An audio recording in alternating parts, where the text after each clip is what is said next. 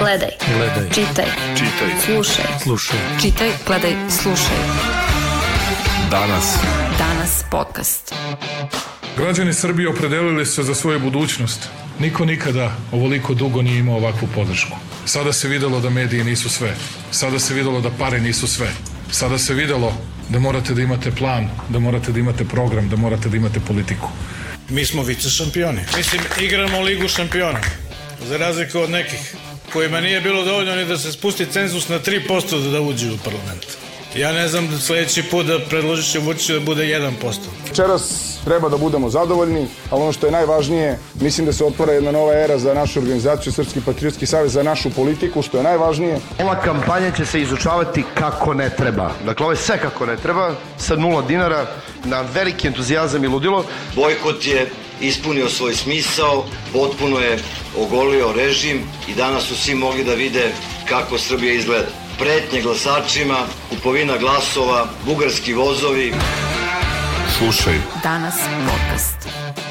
Slušate 11. epizodu danas ovog podcasta i kao što ste iz ovih postizbornih izjava verovatno mogli da zaključite, najčitaniji tekstovi na portalu ove nedelje su oni koji se odnose na rezultat izbora. Konkretno naš live blog na kojem smo iz minuta u minut izveštavali u nedelju.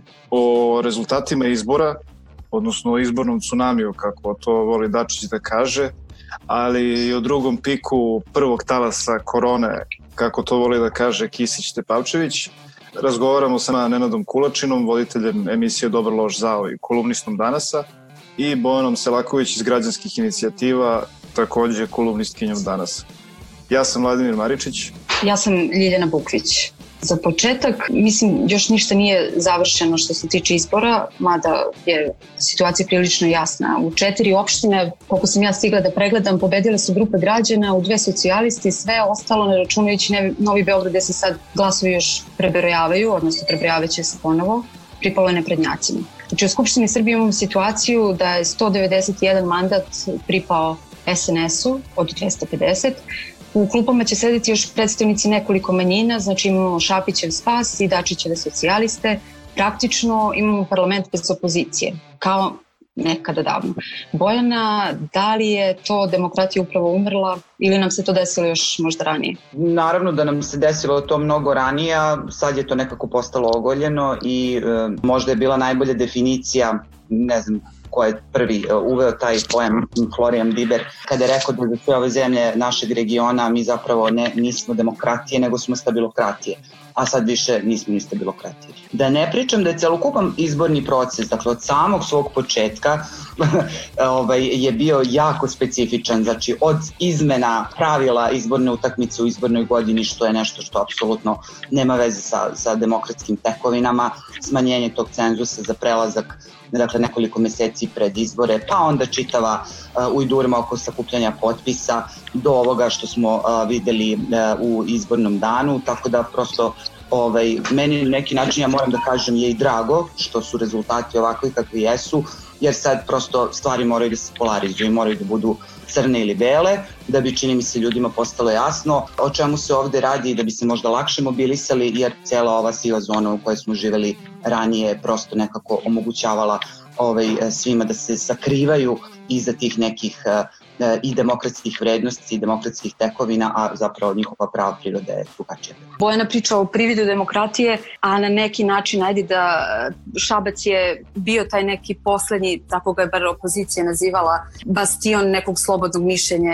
Nenade, vi i živite i radite u Šapcu. Kako ste vi uh, ovu situaciju trenutno da kažemo, podneli s obzirom da je tamo još uvek uzavrela atmosfera, reklo bi se, e, naprednjaci su pobedili, gradska izborna komisija je poništila izbore, šta će na kraju biti? Atmosfera u Šapcu uopšte nije uzavrela, atmosfera u Šapcu je normalna, nigdje se ne osjeća taj neki politički naboj, mislim, kao da izbori nisu ni održani, e, ima puno situacije gde su ljudi onako izbezumljeni, evo šta nam se to desilo, ali ne bi ja rekao da je to prvo uzavrela situacija. Druga stvar, Mi ne znamo da su naprednjaci pobedili, mi samo znamo to na osnovu onoga što su oni izjavili u pola četiri ujutru u nedelju na ponedeljak. Znači mi nemamo ni jedan relevantan podatak koji nam govori o tome. Niko se nije obratio, pa čak i ta gradska izborna komisija sa bilo kakvim preliminarnim rezultatima. Znači ja kao novinar ne mogu sada da me pitate da li imam neki rezultat sa izbora. Imam rezultat sa mog biračkog mesta gde sam ja ovaj, glasao jer sam otišao da vidim izveštaj stoji na biračkom mestu koje koliko glasova osvojio. Grad Šabac je za vreme korone funkcionisao poput švajcarskog sata. Znači, prvog dana kad je proglašena epidemija, ja kad sam došao na posao, mene na posao su čekale rukavice, maske, sve ono što je potrebno nama kao novinarima za posao. Posle sam vidio u svakoj prodavnici su bili ljudi sa maskama, s rukavicama. Prva bolnica koja je dobila vizire u, u Srbiji je bila Šabačka bolnica i to je grad Šabac obezbedio 500 vizira za tako nešto. To se naravno nije snimalo, se snimilo kad je Željko Mitrović došao da vizira, jer bolnica pripada SNS kadru, kako to volimo da kažemo. Pijace su jedino radile u Šapcu, zato što je bilo glupo da kupujemo voće i povrće u zatvorenim prostorijama u prodavnicama umesto na otvorenim. Svako ko ušao na pijacu mora da ima masku u ruka. Znači sve je funkcionisalo. Napravljena je ta COVID bolnica koja nikad nije puštena u rad zato što to Beograd nije hteo. A šta se za to vreme događa s druge strane? Srpske napredne stranke u Šapcu ne postoji. Nema je nigde. Ne postoji. Nosilac liste Aleksandar Vučić za našu decu u Šapcu, doktor Aleksandar Pajić, prema rečima svog ministra, pošto je on specijalni savjetnik ministra za obrazovanje Mladina Šačevića, 10 dana krije da je bolestan, da ima temperaturu, da ima sve simptome korone. Na nagovor ministra taj čovek odlazi da se testira i ustanovlja se da on ima koronavirus. Umeđu vremenu je zarazio zubara i njegovu četvročlanu porodicu. Zarazio je automehaničara i njegovu porodicu.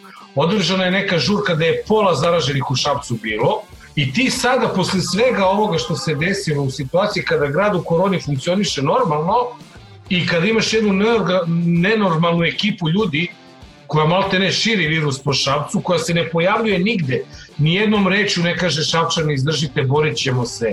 Proglašavaju da je čovek umro, pa posle nije u jednom trenutku ta ekipa dobija 10.000 glasova, više nego što je otvarila druga lista. Znači, to je prosto nemoguće. Mi tek sada dobijamo informaciju o tome šta se dešavalo u izbornom danu u Šapcu i pravo da vam kažem, meni je enigma i kada čujem to da smo mi kao jedini slobodni grad bili i gde postoji uslovi za fair demokratske uslove i onda se desila krađa. I ta krađa je ustanovljena tek malo kasnije, posle kada su krenuli da stižu ti detalji, ja apsolutno nemam nikakvo logično objašnjenje za ovo to što se desilo u Šapcu. Znam da su se pojavili listići u, u, u drugim bojama, znam da je ta firma koja je kao što je rekao moj kolega Anibal Kovač i danas je to objavio, čini mi se u današnjem broju, da je, da je to dobilo da štampa firma koja je za trećinu smanjila cenu u odnosu na sve druge da bi dobila taj posao da štampa. Ovaj, znači, toliko nekih čudnih stvari se dešava. Dva odbornika na listi eh, koalicijnog partnera Nebojše Zelenović u četvrtak su naprasno prešli sa svoje liste u članstvo Srpske napredne stranke. Eh, dobijamo sada svakojake informacije, to nije na meni da priča, to mora da radi gradska izborna komisija. I sada šta se dešava? Ono što je jako bitno, ja mislim, za celu državu i za ceo izborni proces, što mi sada imamo konačno papir jednog državnog organa da postoji izborna krađa. I to je po meni ono što je ključno u ovoj priči, jer sada sve su ovo bilo i u Lučanima to bilo rekla kazala. Naša reč jednih protiv drugih. Ovde sada imaš zvaničnu odluku Gradske izborne komisije koja je evidentirala sve te marifetluke i poništila izbore u celom gradu. Šta će se desiti sada, ja to ne znam. Mi znamo da, da Upravni sud u Novom Sadu treba da donese odluku po žalbi Srpske napredne stranke, mi to ne znamo kako će biti. Šta može oni da Oni mogu da ponište tu odluku, mogu da prihvate tu odluku i mogu da nekim svojim maršinima utvrde da postoji određeni broj biračkih mesta na kojima treba da se ponove izbori. Ja nisam političar i ne mogu da kažem šta bi trebalo da se radi, ali bih vas samo zamolio ako mogu jedan mali ovaj detalj, komentar na ovaj parlamentarne izbore, jer i bez obzira što živim u Šapcu i što su mi bili zanimljivi ti šabački izbori. Izbori na nivou Republike je tačno ono što, što smo i, i hteli da dokažemo i pokažemo bojkotom, a to je jednopartijski parlament i ja verujem da je mnogo manji rezultat bojkota izlaznost u odnosu na, na rezultat koji smo dobili. Negde sam našao na internetu da Severnokorejski parlament ima šest opozicijnih poslanika, srpski parlament možda ima dva, Sulejmana Ugljanina još ovog njegovog partijskog, ja ne verujem, Šapi se već otvoreno nudi da uđe u vlast i Vučiću nije pomoglo čak ni to što je smanjio cenzus na 3%, da je smanjio i na jedan pitanje ko bi ušao, jel? Tako da e, ja mislim da je, bez obzira što to deluje sada možda malo i tmurno i tužno i sve, Bojkot je dao neki rezultat i verujem da postoji nada da se odbrani Šabac, ali verujem da postoji nada da posle ovih izbornih rezultata ljudi u Srbiji shvate konačno s kim imaju posle da krenu nam. Predlažem e, sada da čujemo e, komentare naših čitalaca. Kvazi država, kvazi izbori, gde mi živimo. Kapilarni glasovi se rasturaju na svakom koraku. Obećanja za 2000 dinara po glasu. I zemti takvu državu. Šta Srbija voli to i bira? Diktaturu, Poslaće drvlje i kamenje na vođu ili na zapad. I to je kao rešenje. Žalosno. Ja sam bojkotovao, žena i tašta nisu. Bili su na glasanju bukvalno 20 minuta pred zatvaranje. Kaže žena da je ceo list bio prazan bez potpisa tamo gde je ona bila. Znači u Beogradu je bojkot više nego uspeo. Sve drugo je prevara i pljačka. Drugar mi bio na glasanju i rekao da je iznad njega na listi potpis njegovog komšije koji već pet godina ne dolazi u Srbiju. Kaže da ga baš interesuje ko je umesto njega glasao. Činjenica je da je za jednu stranu glasalo preko trećine Srbije i da je legitimitet izborima dat najviše izlaskom na izbore PSG 1 od 5 miliona. Bilo kako bilo, ne treba se lagati da Vučića podržava vojska, već to shvatiti i da se pojavi neka nova opcija, stranka, šta god. Do sada su svi izgubili integritet jedinjenjem, razjedinjenjem, budalaštinama. Cela opozicija, uključujući tu i bojkot u konačnu penziju. A studenti jedan od 5 miliona na fakultet, pa knjigu malo u ruke. Od kako nema Miloševića ni na jedne izbore nije izašlo više od 50% birača, jer nemaju više za koga da glasaju. To su posledice petoktobarske revolucije. Danas podcast. Narod je time što nije izašao, pogotovo u Beogradu, jako je mala izlaznost. Ajde, vole svi da kažu to istorijsko mala izlaznost. Znači, narod je pokazao da nije zadovoljan. Ne većina, većina nije izašla na izbore, ako tako pogledamo. A kolika je sad tu krivica opozicije? I šta znači uopšte ovaj bojkot kad mi nemamo tu donju granicu izlaznosti? To je zaista jedna konfuzija koja je stvorena i od strane opozicije i žao mi je što tu na kraju nije uspeo da se pronađe neki zajednički modus delovanja.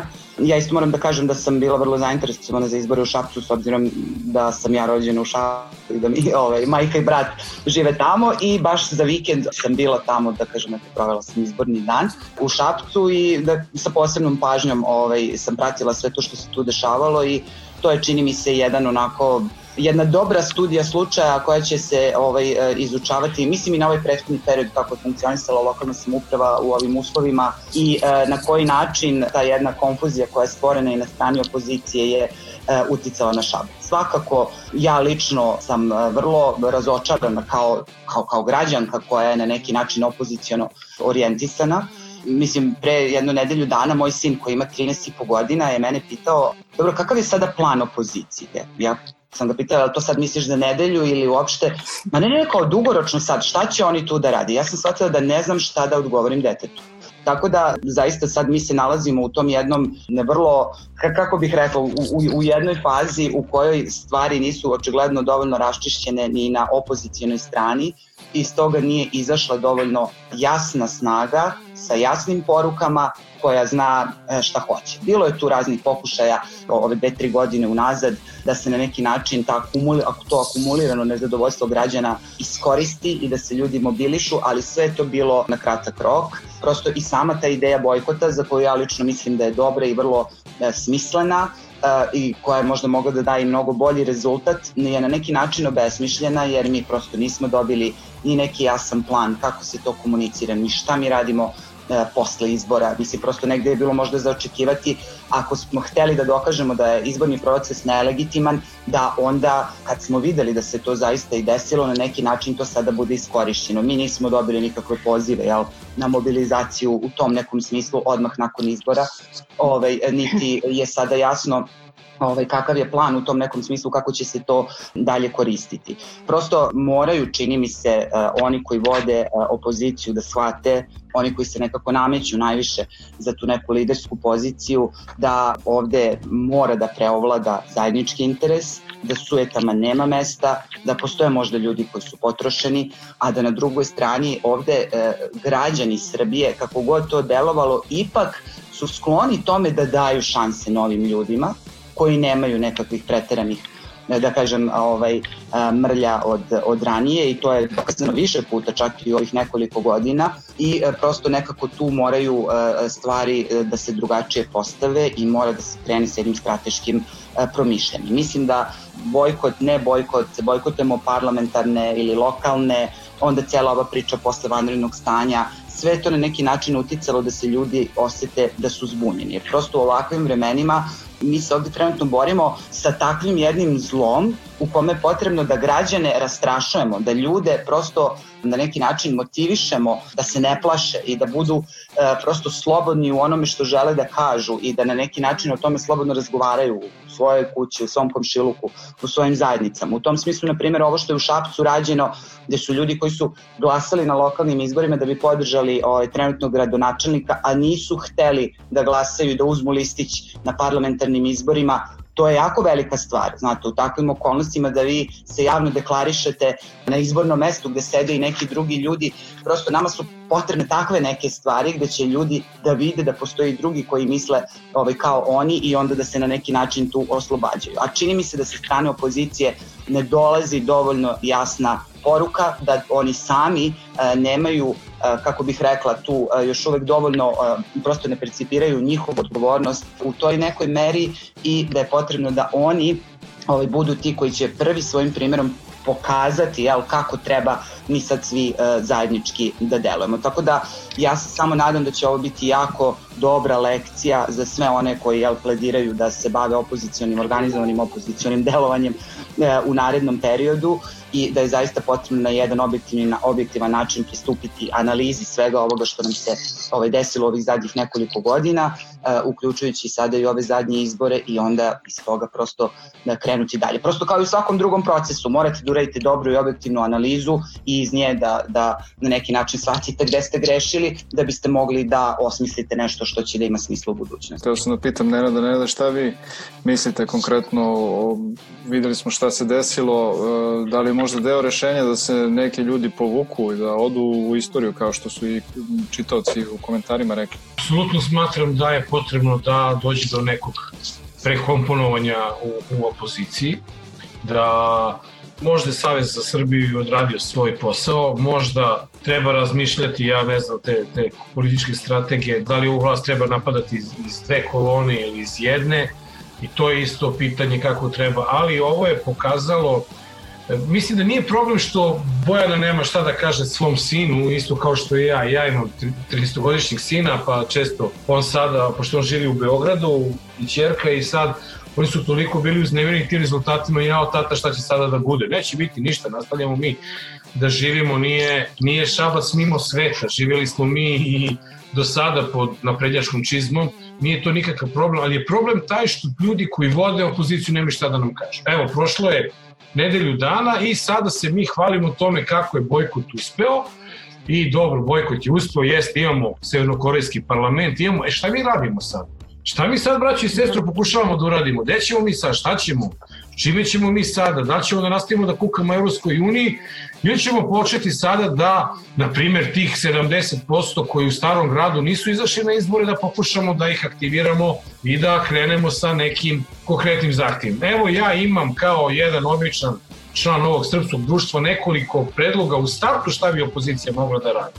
Na osnovu svih ovih rezultata koje imamo, ja mislim da pod broj 1 mora da se uvede odvajanje lokalnih izbora od parlamentarnih izbora i to mora da bude zahtev broj 1. Broj 2 mora da bude da par, lokalni izbori moraju da se biraju imenom i prezimenom. Ne možeš ti, Aleksandar Vučić, budeš kandidat u svakom gradu i opštini za predsjednika opštine za gradonačelnika, znači moramo da idemo imenom i prezimenom. U tom trenutku mi već imamo, pa sigurno barem 20-30 opština i gradova koji će promeniti vlast zato što ljudi će glasati za ime, ime i prezime. Moramo da shvatimo jednu stvar, da bez kontrolora na izborima mi ne možemo da uradimo ništa. Sve dok imamo kontrolore koji su spremni da gledaju i da snimaju, mi smo je nazvali u našoj emisiji Ljubica, onu ženu što popunjava ne znamo ni gde, u nekoj školi vidimo slika Vuka Karadžića gore po, i da niko od članova komisije pa taj, ni taj čovjek koji snima nije rekao alo prekinite glasanje razbucaš kutije uništiš ono biračko mesto jer je to što je rađeno to je dovoljno. Ja sad ne znam da se Biljana Bojana, Bojana slaže sa mnom ali to je dovoljno za poništavanje celih izbora. Ti znači imaš nekoga ko glasa za tebe presavi je listić umesto tebe i ubaci listić u ovo. Znači da. gde su ti kontrolori Pa mi imamo opozicione stranke koje nemaju više od 2500 članova, a 8000 biračkih mesta i kusov. Kako mi da, da branimo izbore? Znači, mislim da prva stvar mora da bude kad je u delovanju opozicija prema vlasti da se ti izbori lepo razdvoje, a onda da opozicija krene u jedan muhotrpan rad po Srbiji, da znači čizme se navuku one ribarske do pola butine i da se krene po Srbiji, da se ne vodi politika iz kruga dvojke, jer ja, evo, evo naš četvor ovde priča, da li iko ima racionalno objašnjenje kako je moguće da u Valjevu opozicija ne postoji? pored Krušika, pored Aleksandra Obradovića, pored korone kojim se tamo desila, mi u Valjevu nemamo opštinske odbore ni jedne stranke, malte ne.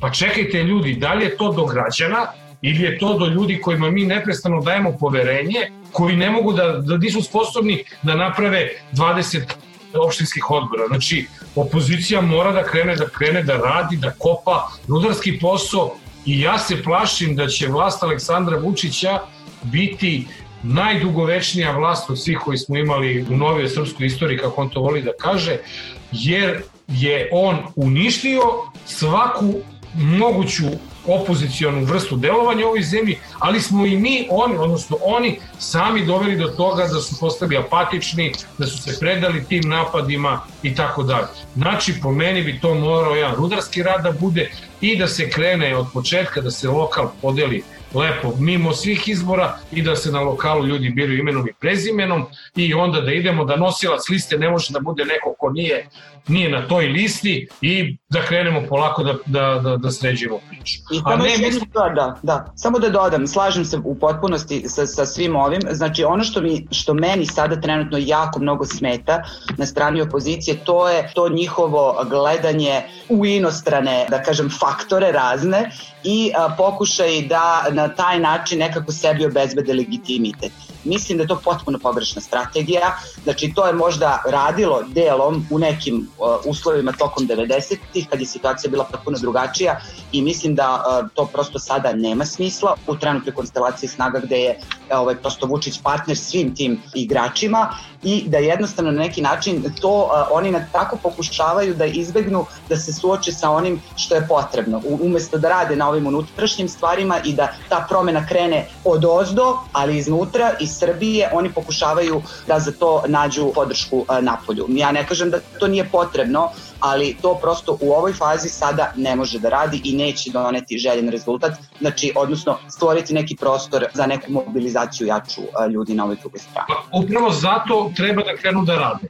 Treba da krenu da kopaju i da rade, pa doći će ta Evropska unija i i Amerika i sve će to doći jednom na dnevni red. Ali ovako, koga oni predstavljaju kad se pojave tamo? Koga predstavljaju kad imaju par hiljada članova? Bilo koja, bilo koja, koja opozicijna stranka u Srbiji ima više od 3000 članova u ovom trenutku? A ovaj skupi 90.000 potpisa za sat vremena. Kako god, silom, milom, ali skupi, a mi nemamo da pokrijemo biračka mesta sa kompletnom opozicijom njenim članstvom. To je problem. Ovo je definitivno neiscrpna tema. Opozicija će imati svoju priliku, već za dve godine su predsjednički izbori, da li će tu uspeti nešto? Vidi, vidi Diljana, ja sam apsolutno zagovornik te teme. Čak smo u svojoj emisiji štampali šolje na kojem je pisalo izvučit ćemo se 2022. godine. Ali gledaj, on sad menja ustav zbog Kosova. Šta njega košta da promeni metod izbora predsjednika Srbije? Ako on vidi da mu tu preti opasnost, on je smanjio cenzus od 5 na 3%. Pa on da se, u parlament. Da se bira u parlamentu da postanemo država poput Italije, Nemačke, da će premijer biti koji nema ograničeni broj mandata i, i šta njega to košta da uradi? Znači, pitanje je da li ćemo mi uopšte sad imati šansu i da se nadamo da je nešto šansa, a da pritom mi ništa ne uradimo konkretnije da bi, da bi situacija konačno prešla na stranu ovih 70% ljudi koji starom gradu nisu glas, izašli na izbore, na primjer. Danas. Podcast. epidemije koronavirusa s obzirom da kako vama izgleda sad e, ovo da kažem zataškavanje mislim ne, ne znam koju bih drugu reč iskoristila jer mi to tako deluje znači prošle nedelje sve je bilo u redu jedan preminuli svaki dan mislim ne može ni to da se kaže da je u redu odjednom je od ponedeljka sve eksplodiralo ovih dana imamo izjave krizni štab se probudio pojavio se nijotkuda ponovo. Kako vi to vidite? Redovi ispred ambulanci, ja znam sad gomilu ljudi koji već imaju koronu, ne mogu da dođu na red, testova nema po mnogim gradovima. E, to si, to si u pravu. U prvom piku prvog talasa, da li ste vi znali nekoga ko je imao koronu? Ne, ne, ne a nekoga ko je znao nekoga. Sada, sada ih znamo koliko hoćeš i to je sve u okviru tih 70, 80, evo sad je to krenulo na 100 i tako dalje. Ja mislim da oni imaju veliki problem, oni nemaju više testova, to mislim da je glavni problem i zato se stvaraju te guže po Beogradu i svuda. Pouzdano znam da u Šapcu nemaju testova, da li od juče, da li od prekriče, nemaju testova za testiranje. Druga stvar, oni su sada polako krenuli na godišnje odmore, vratili su se u neki normalan život zbog ovih odvratnih izbora i sada su, napra su ušli u problem.